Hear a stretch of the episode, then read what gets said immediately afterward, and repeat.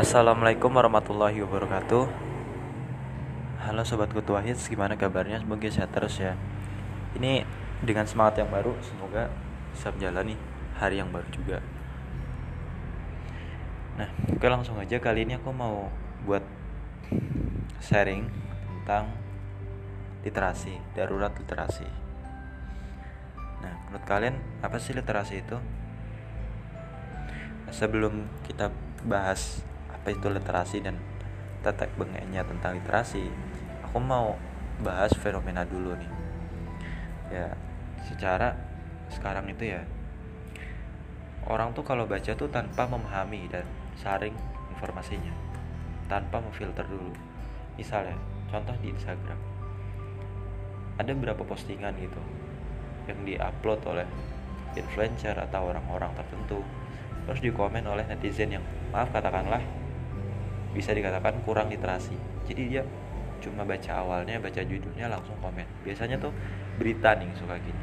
Berita itu kan judulnya ya menarik menarik unik unik dan tak jarang isi beritanya tak nyambung nggak nyambung sama judulnya. Jadi orang-orang netizen yang kayak gini yang kurang literasinya langsung komen aja. Yang negatif lah pokoknya yang nggak bisa aku contohin nggak cuma di Instagram bahkan ada yang di WhatsApp pun juga gitu. Kan ada juga sering tuh broadcast broadcast yang mungkin kayak kuota gratis sekian gigabyte atau nanti berita-berita hoax tentang kesehatan pendidikan dan ini. Tapi langsung dikomen sama penghuni WhatsApp. Langsung tuh down kan yang ngirim dia juga nggak tahu kan.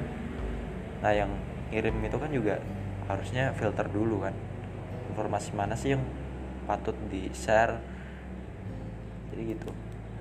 Jadi orang zaman sekarang ya walaupun gak semua itu ya share informasi itu tanpa pikir panjang gitu. Langsung share oh ini bagus oh ini keren. Langsung share. Tapi etikanya nggak gitu adabnya nggak gitu. Ya kalau informasi ya sebaiknya di kalau mungkin kebenaran bagus coba cari kevalidannya. Valid nggak jadi gitu. Ya sederhana aja lah. Akhirnya menimbulkan salah paham gitu. Oh bisa salah paham? Ya jelas. Ketika ada suatu informasi yang belum diketahui kebenarannya bisa dikatakan kabar burung. Terus ada orang yang komen komennya tanpa juga nggak filter dulu ini bener nggak? Langsung komen ya langsung terjadi cekcok kan kalau nggak terima ya kalau orangnya lapang dada kalau nggak ya mungkin bisa sampai balas dendam berkepanjangan hanya gara-gara hal sepele. Dan itu bisa menimbulkan konflik yang berkelanjutan. Kalau nggak diselesaikan bisa bahaya. Apa sih penyebabnya itu? Ya aku punya tiga eh empat penyebab. Nah dari kecil bisa jadi mungkin mereka nggak dibiasakan oleh lingkungannya atau orang tuanya untuk literasi hmm, sekedar tahu aja literasi itu secara sempit itu dikatakan membaca dan menulis. Tapi untuk lebih jelasnya aku kasih tahu di akhir. Jadi mereka tuh nggak dibiasain buat baca gitu. Ya dibiarin aja sama orang tuanya. Yang penting selama orang tuanya ngasih makan ngasih minum dipersilakan main tidur ya udah selesai. Tapi nggak ada nilai edukasinya. Si anak nggak diajarin baca nggak diajarin nulis sekolah pun ya dimasukin sekolah yang mohon maaf katakanlah asal-asalan gitu. Karena terlepas dari ekonomi ya yang nggak tahu mungkin lingkungannya juga yang berpengaruh. Jadi intinya si anak ini nggak dibiasakan literasi nggak dibiasakan untuk baca. Ya minimal baca komik lah ya yang ringan atau baca majalah bobo. Kalau dulu sih aku dibiasain sih literasi majalah bobo walaupun ya aku cuma lihat gambar-gambarnya. Terus selain alasan nggak terbiasa literasi sejak kecil yang alasan kedua itu udah terpengaruh lingkungan. Baca kan lingkungan yang buruk. Nah, lingkungan yang buruk ini sangat berpengaruh pada orang-orang terutama anak kecil. Misal nih kalau lingkungannya itu orang-orang pada minum keras pada mabuk-mabukan ya mungkin lingkungannya klub malam atau banyak tawuran atau deket kota gitu bisa jadi si anak kalau nggak diawasi orang tuanya bisa jadi terpengaruh. Jauh dari nilai-nilai agama ya kan? Nggak dibiasain sholat nggak dibiasain ibadah ke rumah ibadah. Malah dipersilakan untuk melakukan hal-hal yang dikatakan senonoh. Maksudnya maksiat gitu. Nggak baik dan itu secara tidak langsung berpengaruh banget sama kemampuan literasi kita. Kita jadi nggak ada waktu nggak meluangkan waktu untuk baca untuk nulis walaupun sedikit. Kita jadi terfokus teralihkan untuk hal-hal maksiat. Kita ikut ikutan temen ada perasaan gak enak ikut yuk. Ayo jadi apa apa jadi ayoin aja gitu. Nggak ada filter akan ajakan tersebut. Kalau seandainya kita tahu bahwa ini ini nggak baik maka kita bisa menolak dengan mudah. Tapi ya karena udah terbiasa ya jadi agak sulit. Kemudian alasan ketiga itu karena kita tuh males dan apa apa pengen instan bawaannya. Kayak instan. Bukan berarti instan itu nggak baik. Ada sisi baik ada sisi buruknya. Misalnya sekarang kan udah zamannya ojek online dan banyak banget kan platformnya itu membuat orang sedikit malas ya secara terlepas dari kesibukannya. Nah kenapa males? Ya orang kalau mau makan mau beli sesuatu tinggal pencet klik pesan terus tinggal nunggu. Tapi ada juga sih manfaat positifnya di mana kalau kita benar-benar sibuk dan gak ada waktu kan ke jalan ke warung tuh kan butuh waktu lama belum lagi macet. Itu bagus. Tapi kalau berlebihan menggunakannya itu ya akan jadi penyakit gitu loh. Pola pikir kita akan terpengaruh lama kelamaan di mana mana harus instan. Kalau tugas tinggal kopas tanpa ada parafrase dan juga proses pemikiran dan analisis yang mendalam. Terus apa apa tinggal nyuruh. Misalnya kalau di perusahaan atasan pengennya instan ya tinggal nyuruh bawahannya. Apa apa pengen tinggal jadi.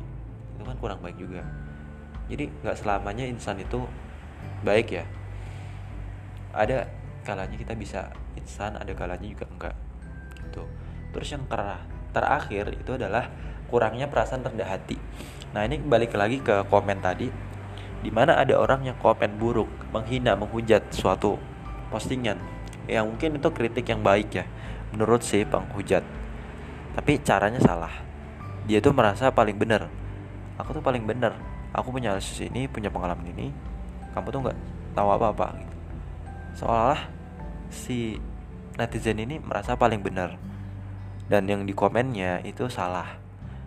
Padahal si netizen ini nggak melakukan filter apa pun gitu hanya sesuai emosinya sesuai nafsunya berpendapat gitu padahal kalau kita tahu etika berpendapat ya kita bakal hati-hati ya masih pendapat bukan berarti pendapat itu dilarang berpendapat itu dilarang bukan justru pendapat itu dianjurkan cuma harus hati-hati gitu jangan sampai berpendapat kita itu menyakitkan gitu loh maka dari itu kita nggak boleh sombong merasa paling bisa merasa paling benar dan atas meremehkan orang lain, merendahkan orang lain. Nah, itu tadi empat penyebab kenapa kita tuh lagi darurat literasi. Nah, sekarang kita langsung ke solusi nih. Aku mau jelasin apa sih literasi, tapi aku mau kutip dari berbagai sumber dulu. Bukan berbagai sumber sih, satu sumber cuma satu sumber ini udah cukup lengkap. Aku bacain ya. Ini aku kutip dari situs dekampus.com tahun 2017 bulan Mei mereka postingnya. Pengertian literasi. Menurut kamus online Merriam-Webster, literasi berasal dari istilah Latin literatur dan bahasa Inggris letter. Literasi merupakan kualitas atau kemampuan melek huruf atau aksara yang di dalamnya meliputi kemampuan membaca dan menulis. Namun lebih dari itu, Makna literasi juga mencakup melek visual, yang artinya kemampuan untuk mengenali dan memahami ide-ide yang disampaikan secara visual, seperti adegan, video, dan gambar. Kemudian, definisi kedua menurut National Institute for Literacy mendefinisikan literasi sebagai kemampuan individu untuk membaca, menulis, berbicara, menghitung, memecahkan masalah pada tingkat keahlian yang diperlukan dalam pekerjaan, keluarga, dan masyarakat. Definisi ini definisi ini memaknai literasi dari perspektif yang lebih kontekstual. Dari definisi ini terkandung makna bahwa definisi literasi bergantung pada keterampilan yang dibutuhkan dalam lingkungan tertentu. Kemudian definisi ketiga menurut Education Development Center atau EDC menyatakan bahwa literasi lebih dari sekedar kemampuan baca tulis. Namun lebih dari itu, literasi adalah kemampuan individu untuk menggunakan segenap potensi dan skill yang dimiliki dalam hidupnya. Dengan pemahaman bahwa literasi mencakup kemampuan membaca kata dan membaca dunia. Kemudian definisi keempat menurut UNESCO Pemahaman orang tentang makna literasi sangat dipengaruhi oleh penelitian akademik, institusi, konteks nasional, nilai-nilai budaya, dan juga pengalaman. Pemahaman yang paling umum dari literasi adalah seperangkat keterampilan nyata, khususnya keterampilan kognitif membaca dan menulis yang terlepas dari konteks di mana keterampilan itu diperoleh dan dari siapa memperolehnya. UNESCO menjelaskan bahwa kemampuan literasi merupakan hak setiap orang dan merupakan dasar untuk belajar sepanjang hayat. Kemampuan literasi dapat memberdayakan dan meningkatkan kualitas individu, keluarga, dan masyarakat. Karena sifatnya yang multiple effect atau dapat memberikan efek untuk ranah yang sangat luas, kemampuan literasi membantu memberantas kemiskinan, mengurangi angka kematian anak, pertumbuhan penduduk, dan menjamin pembangunan berkelanjutan dan terwujudnya perdamaian. Buta huruf bagaimanapun adalah hambatan untuk kualitas hidup yang lebih baik.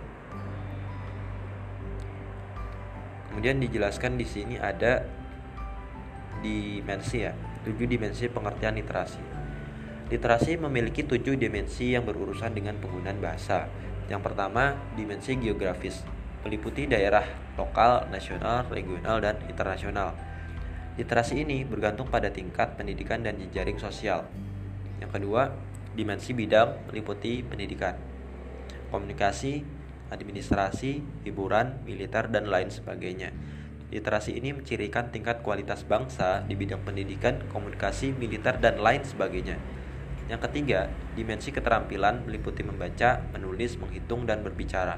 Literasi ini bersifat individu, dilihat dari tampaknya kegiatan membaca, menulis, menghitung, dan berbicara.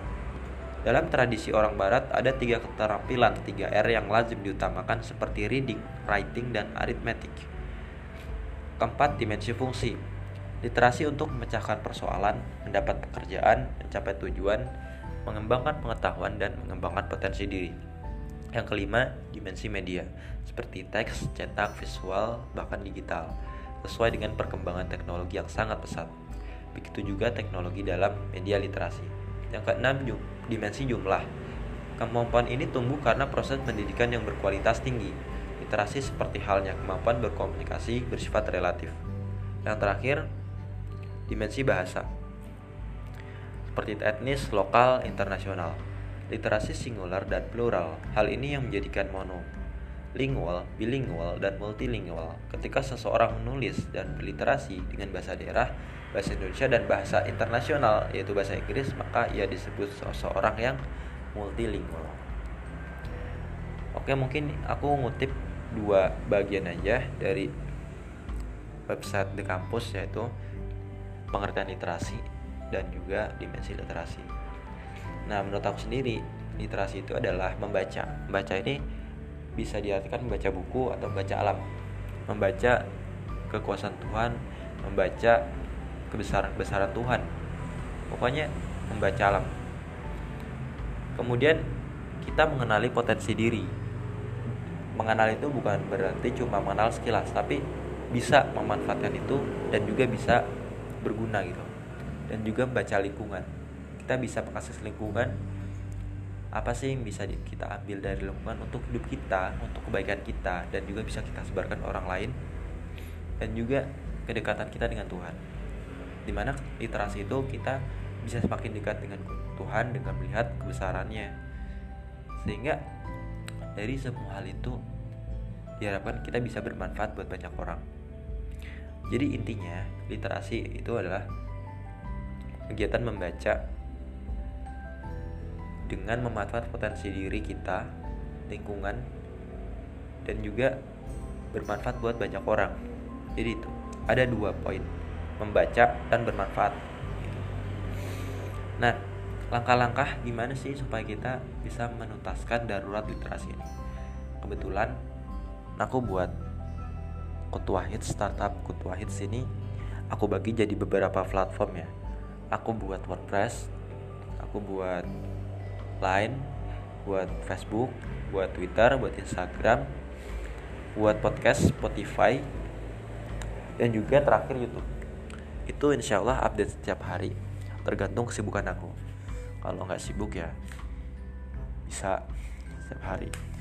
Bahkan kalau nggak sibuk banget aku sehari bisa upload 5 sampai 6 atau bahkan lebih. Ya tergantung kesibukan lagi. Nah langsung ya. Langkah pertama supaya kita bisa menyelesaikan darurat literasi ini itu adalah baca berita. Mulai baca berita yang ringan dulu. Jadi nggak langsung kita bisa berpendapat dengan baik. Tapi kita baca artikel-artikel yang ringan mungkin sesuai kehidupan kita. Kalau dulu aku itu aku punya masalah belajar cari artikel tentang belajar efektif dan efisien. Ya kan?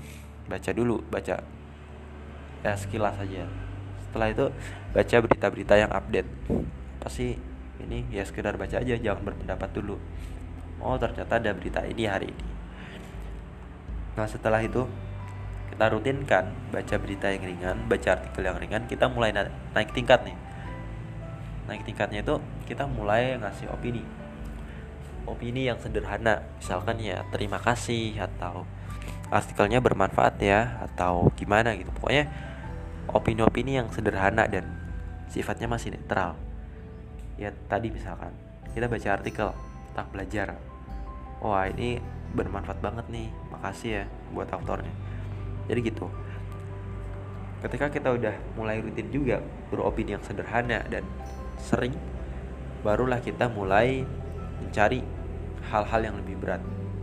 Kita mulai analisis dulu. Misalkan ada berita kita analisis oh berita ini asalnya dari sini alur pikirnya seperti ini endingnya seperti ini. Menurut aku seperti ini harusnya berita ini gak seperti ini harusnya seperti ini. Kita combine berbagai berita. Kita jadikan satu kita temukan satu titik temunya. Kita temukan persamaannya dan juga perbedaannya apa. Nah dari situ kita bisa membuat solusi yang tepat. Itu baru kita analisis ya. Analisis. Ini udah mulai berat. Nah ketika kita udah rutin menganalisis suatu isu kita juga bisa naik tingkat dengan nulis artikel dan esai Nah nulis. Ketika kita udah banyak baca Mari kita nulis. Nulis artikel dan esai. Esai itu ya mungkin opini kita tentang suatu hal. Misalkan tentang virus corona nih. Kita pendapat kita tentang corona itu apa? Di samping kita juga cari data-data yang valid. Gimana sih corona itu? Oh corona seperti ini ini ini. Terus gimana solusinya? Oh solusi corona ini ini ini. Jadi ah lengkap. Gitu Orang jadi oh ya ya saya teredukasi saya merasa terbantu dengan adanya artikel ini. Jadi gitu tahap literasi yang lebih tinggi lagi. Nah masih ada yang lebih baik lagi yaitu masuk suatu komunitas organisasi atau cari wadah. Jadi dengan kemampuan analisis kita pendapat kita yang udah semakin sering dan bagus ya nggak ada salahnya kita masuk organisasi misalkan di BMKM atau BEM fakultas atau komunitas lain yang emang tujuannya untuk menampung pemikiran-pemikiran. Aku ikut beberapa komunitas pemikiran tersebut, cuma di sini aku rahasiain ya. Jadi di dalam komunitas tersebut itu aku merasa pemikiranku tuh tersalurkan, di mana unek-unekku tentang suatu paham itu tersalurkan. Aku punya analisis ini tersalurkan. Jadi kita tuh merasa dihargai dalam suatu komunitas dengan perasaan dihargai tersebut kita akan makin solid dan bisa berjuang bareng. Gitu. Dengan berjuang bareng itu kita bisa apa ya menyelesaikan masalah dalam skala besar dalam skala global. Jadi itu manfaatnya organisasi. Di samping kita menambah literasi kita menjalin silaturahmi kita kita bisa menyelesaikan masalah yang ada di masyarakat masalah yang ada di negeri ini. Kemudian aktif dalam kegiatannya. Nggak cuma masuk aja nggak cuma berpendapat kita juga harus aktif. Biasanya kan suatu komunitas itu punya program punya acara. Ya kita harus turut aktif turut berpartisipasi aktif. Oh organisasi ini punya acara ini tanggal sekian. Ya kita harus agendakan. Bukan pencitraan ya tapi sebagai loyalitas kita kepada organisasi tersebut. Yang udah menerima kita yang udah menghargai kita gitu ya it's okay wah kalaupun baru jadi anggota tapi perlahan kita bakal jadi orang bermanfaat. Nah yang terakhir nih itu explore lebih jauh. Organisasi itu cuma sebagai pintu pintu gerbang ke dunia yang sebenarnya ke pemikiran sebenarnya. Untuk masuk ya kita harus jalan sendiri. Harus explore lebih jauh. Nah explore lebih jauh ini kadang salah juga. Kita harus terus belajar memahami dunia itu seperti apa? Literasi itu seperti apa? Explore lebih jauh baca lebih banyak usaha lebih banyak dan berkenal lan dengan orang yang lebih banyak. Jadi inilah tahap literasi yang paling tinggi menurut aku yaitu explore mengeksplorasi alam semesta. Di mana nanti outputnya kita bisa bermanfaat dengan orang lain dan lebih dekat kepada Tuhan yang sudah menciptakan kita. Jadi aku ulangi lagi tahap untuk menyelesaikan darurat literasi ini mulai baca berita artikel yang ringan lalu mulai beropini, berpendapat yang sederhana, lalu naik lagi menganalisis isu, kemudian menulis artikel dan esai, masuk ke wadah komunitas atau organisasi, dan aktif kegiatan organisasi tersebut, dan terakhir adalah mengeksplor alam semesta lebih jauh. Tentu dengan mengetahui etika-etika dalam mengeksplorasi alam. Oke itu mungkin itu aja ya yang bisa aku sharingkan tentang literasi yang ada di negeri ini dan bagaimana sih pemikiran aku, opini aku tentang literasi. Dan juga aku udah memberikan beberapa solusi ya. Walaupun aku di sini juga masih belajar gimana sih literasi yang baik. Aku juga sering salah dan aku juga pernah menjadi netizen yang bisa katakan buruk lah. Tapi aku belajar dari, dari hal itu. Bahwa oh iya literasi itu nggak sejelek yang aku kira. Aku bisa belajar di literasi dan ternyata banyak banget manfaat literasi itu. Aku berharap bahwa dengan adanya podcast ini kita bisa makin memahami pentingnya literasi bagi kita dan kita bisa menjadi pelopor bagi masyarakat kita untuk menggalakkan lagi program literasi. Bisa mulai baca buku bareng diskusi bareng dan sebagainya Semoga bermanfaat podcast kali ini. Ada salah kata mohon maaf. Sampai ketemu lagi di podcast berikutnya. Assalamualaikum warahmatullahi wabarakatuh.